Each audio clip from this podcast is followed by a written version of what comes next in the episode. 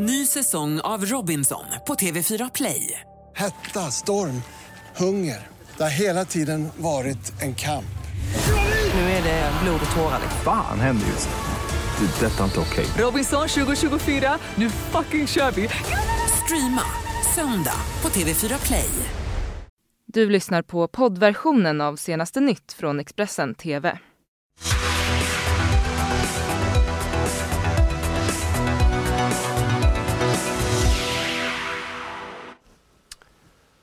Senast nytt lördag. Jag heter Fredrik Lenander och eh, vi tar och börjar med våra rubriker. Donald Trump tros ha pressat Ukrainas president att starta utredning mot Demokraternas toppkandidat Joe Biden.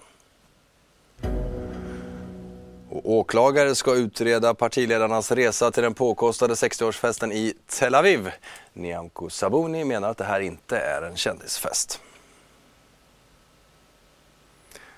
Och incelsrörelsen med män som lever i ofrivillig celibat växer. Vi har träffat 36-åriga Leo Sundberg. Men vi börjar med att ett VMA, ett så kallat viktigt meddelande till allmänheten, gick ut i natt. Detta i eh, Smedjebackens kommun i Dalarna. Det handlar om en kraftig brand i en industrifastighet i Söderberke. Där samtliga invånare då uppmanades att stanna inomhus med stängda dörrar, fönster och ventilation. Och strax efter midnatt som räddningstjänsten då kom fram till platsen och kunde konstatera att den här industribyggnaden var helt övertänd.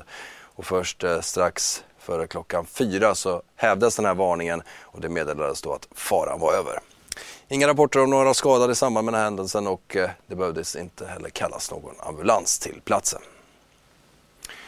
Så utrikes, där vi under gårdagen rapporterade om att en visselblåsare i den amerikanska underrättelsetjänsten då har slagit larm om ett telefonsamtal mellan eh, Donald Trump och en utländsk ledare. Det här samtalet ska ha beskrivits som akut oroande och nu rapporterar flera amerikanska medier att Donald Trump verkar ha försökt pressa Ukrainas nye president Volodymyr Zelensky att utreda demokraten Joe Biden och dennes son för korruptionsmisstankar. CNNs Jim Acosta berättar här mer. Sitting in the Oval Office with Australia's Prime Minister, the President struggled to give straight answers about the mysterious government official trying to blow the whistle on Mr. Trump's interactions with a foreign leader. First, the president described the whistleblower as partisan. It's a partisan whistleblower. Uh, they shouldn't even have information. Then Mr. Trump said he didn't know the whistleblower. I don't know the identity of the whistleblower. I just hear it's a partisan person, meaning it comes out from another party. Uh, but I don't have uh, any idea. But I can say that it was a totally appropriate conversation. It was actually a beautiful conversation. Democrats want to know if the complaint is about Mr. Trump's conversation with Ukraine's president over the summer and whether it delved into a potential 2020 rival, former Vice President Joe Biden. The Wall Street Journal reports Mr. Trump repeatedly pressured the Ukrainian president to investigate Biden during that discussion. Asked directly about that conversation earlier in the day, the president wouldn't answer the question. Did you discuss Joe Biden, his son, or his family with the leader? Uh, it doesn't matter what I discuss, but I will say this somebody ought to look into Joe Biden's statement. But the president seemed to invite a Biden inquiry. So uh, somebody ought to look into that, and you wouldn't because he's a Democrat. And uh, the fake news doesn't look into things like that. It's a disgrace. Reminiscent of Mr. Trump's call on Russia to find Hillary Clinton's emails in 2016. I will tell you this Russia, if you're listening, I hope you're able to find the 30,000 emails that are missing.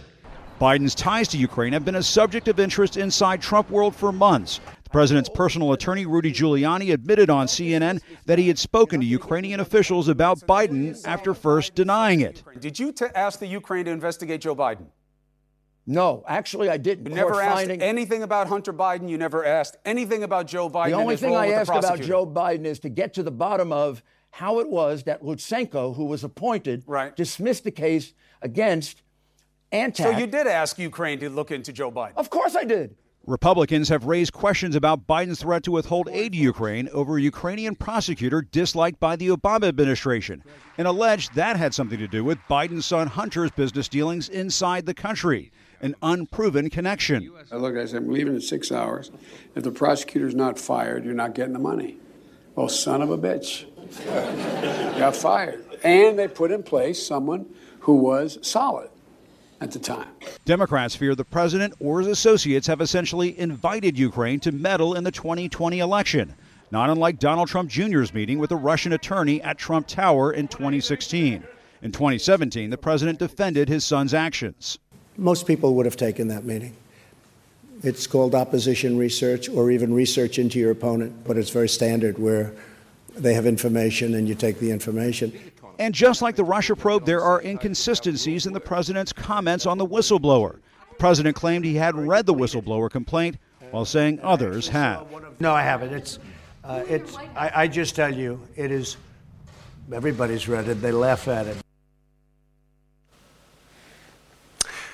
Så till att sociala mediejätten Facebook nu stänger ner tusentals appar. Det skriver I'm Archibong som är vice VD för produktpartnerskap för Facebook i ett blogginlägg. Och anledningen är då att apparna kan ha läckt användares personliga information. Och efter Cambridge Analytica-skandalen då personuppgifter från 87 miljoner Facebook-användare läcktes och användes i politiska syften så inledde Facebook förra året en översikt över miljontals appar. Och så ska vi till den eh, mycket uppmärksammade 60-årsfesten. Mikael Bindefeld som flugit ner delar av kändiseliten till Tel Aviv.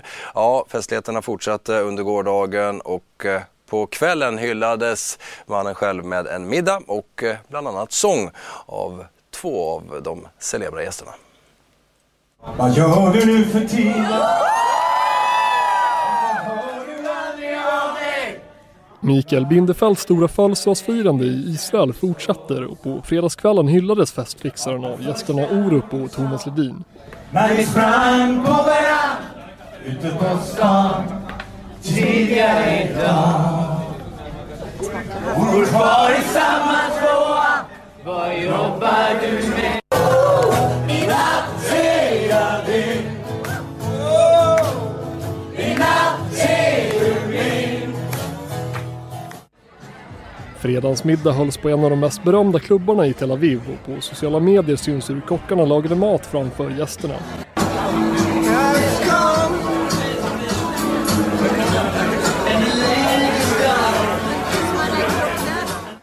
Totalt är 142 gäster på plats för Mikael Bindefelds 60-årsfirande som pågår fram tills på söndag. Men samtidigt, samtidigt då som festligheterna har pågått i Tel Aviv så har också kritiken fortsatt mot de tre partiledare som valt att resa ner. Särskilda åklagarkammaren har nu fått in flera anmälningar från privatpersoner om den här festen och myndigheten är då skyldig att titta på alla anmälningar som kommer in. Chefsåklagare Anders Jakobsson har själv ännu inte sett anmälningarna men säger att det måste finnas ett tydligt tjänstesamband mellan då en tjänst och en gåva för att det ska kunna ses som ett mutbrott. Och eh, är man kompisar och vänner då är det aldrig ett mutbrott men hur det ser ut i det här fallet det vet jag inte, säger Anders Jakobsson. Vår reporter Arne Lapidus träffade Liberalernas partiledare Nyamko Sabuni som betonade att det här handlar om en privat tillställning och inte en kändisfest.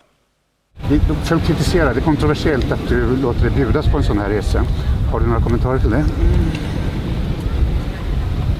När jag firar mina födelsedagar, då bjuder jag in mina vänner.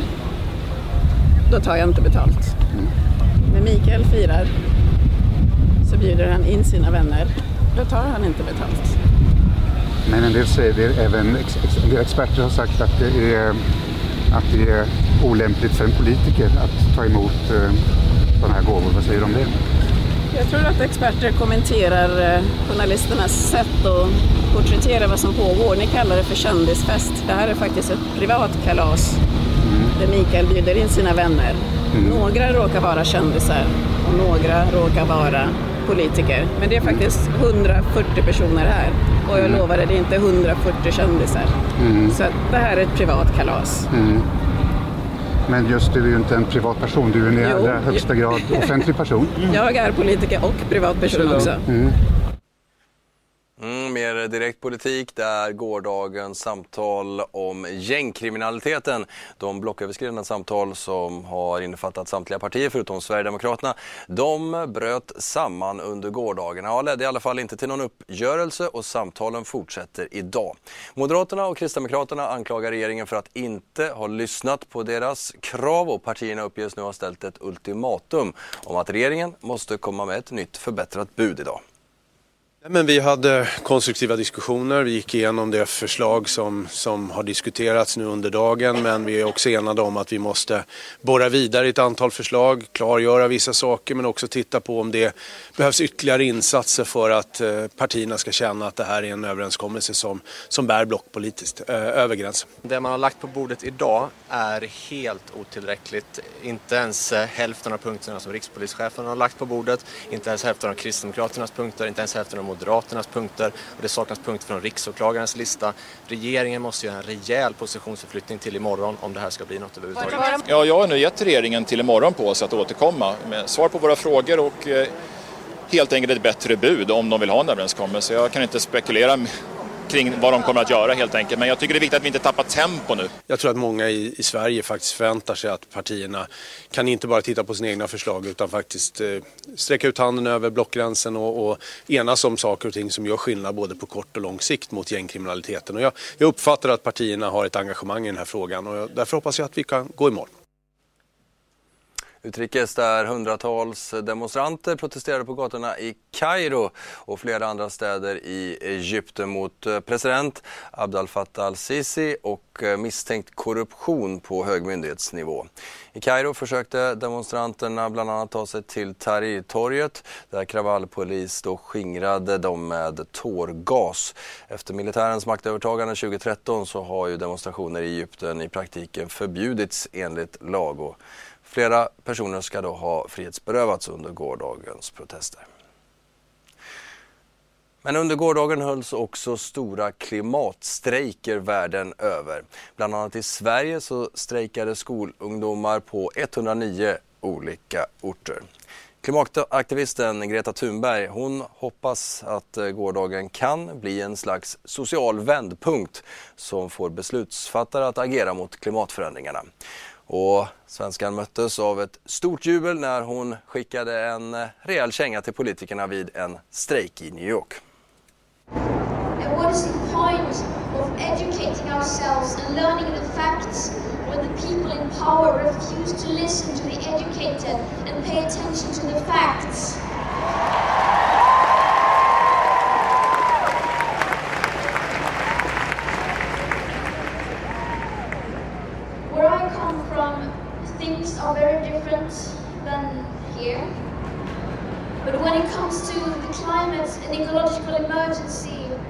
People in power, it is pretty much the same.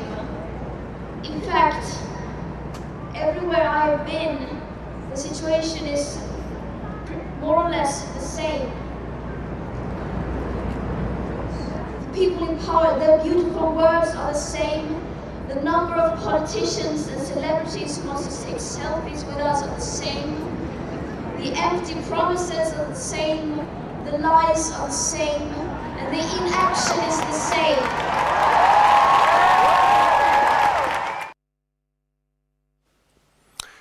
Nu till att det på nätet samlas så kallade incels i forum där det ständigt förekommer fantasier om våld mot kvinnor. Incel står för involuntary celibacy, alltså ofrivilligt celibat. Och 36-åriga Leo Sundberg han började se sig som en incel efter sin skilsmässa. Han berättar nu om forum med väldigt hård retorik och även fall där kvinnor i det närmaste avhumaniseras.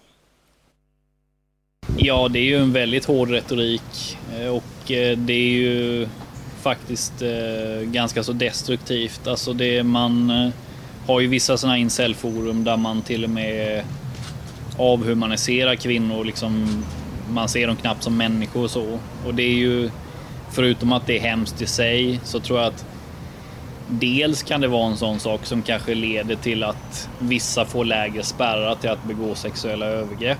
Men också att med den attityden så blir det ju väldigt svårt att få en flickvän. Så att Liksom, jag tror att de här som är liksom såna incels och väldigt arga, de kanske borde skilja på just sin egen situation med ensamheten och att inte blanda ihop det med att liksom hata alla kvinnor i största allmänhet, för det hjälper dem inte. Precis, du vill ju visa att man kan vara incel och eh, inte hatisk. Vad, vad, ska du säga, vad, är dina, vad tänker du? Vad är dina tips? Alltså, mina tips generellt är att, eh, att alltså, försök bara bygga relationer med andra människor. Eh, var öppen för att eh, ta kontakt med människor.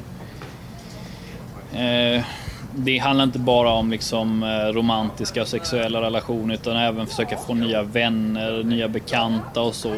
Eh, att, att ha någon som man liksom umgås med eller några man umgås med på helgerna och så. Det gör jättemycket för att, för att man ska må bättre och jag tror att det som gör att många av de här incels är så olyckliga som de är, det är att de har kanske väldigt få eller inga vänner alls och det tror jag är deras största problem, inte att, inte att de specifikt inte har eh, någon flickvän. Mm, det där var nyhetssändningen för nu. Vi tackar för uppmärksamheten härifrån senaste Nytt-studion.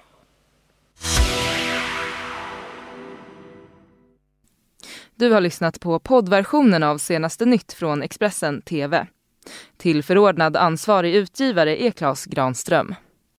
Ny säsong av Robinson på TV4 Play. Hetta, storm, hunger. Det har hela tiden varit en kamp. Nu är det blod och tårar. Fan händer just nu. Det. är Detta är inte okej. Robinson 2024, nu fucking kör vi! Streama söndag på TV4 Play.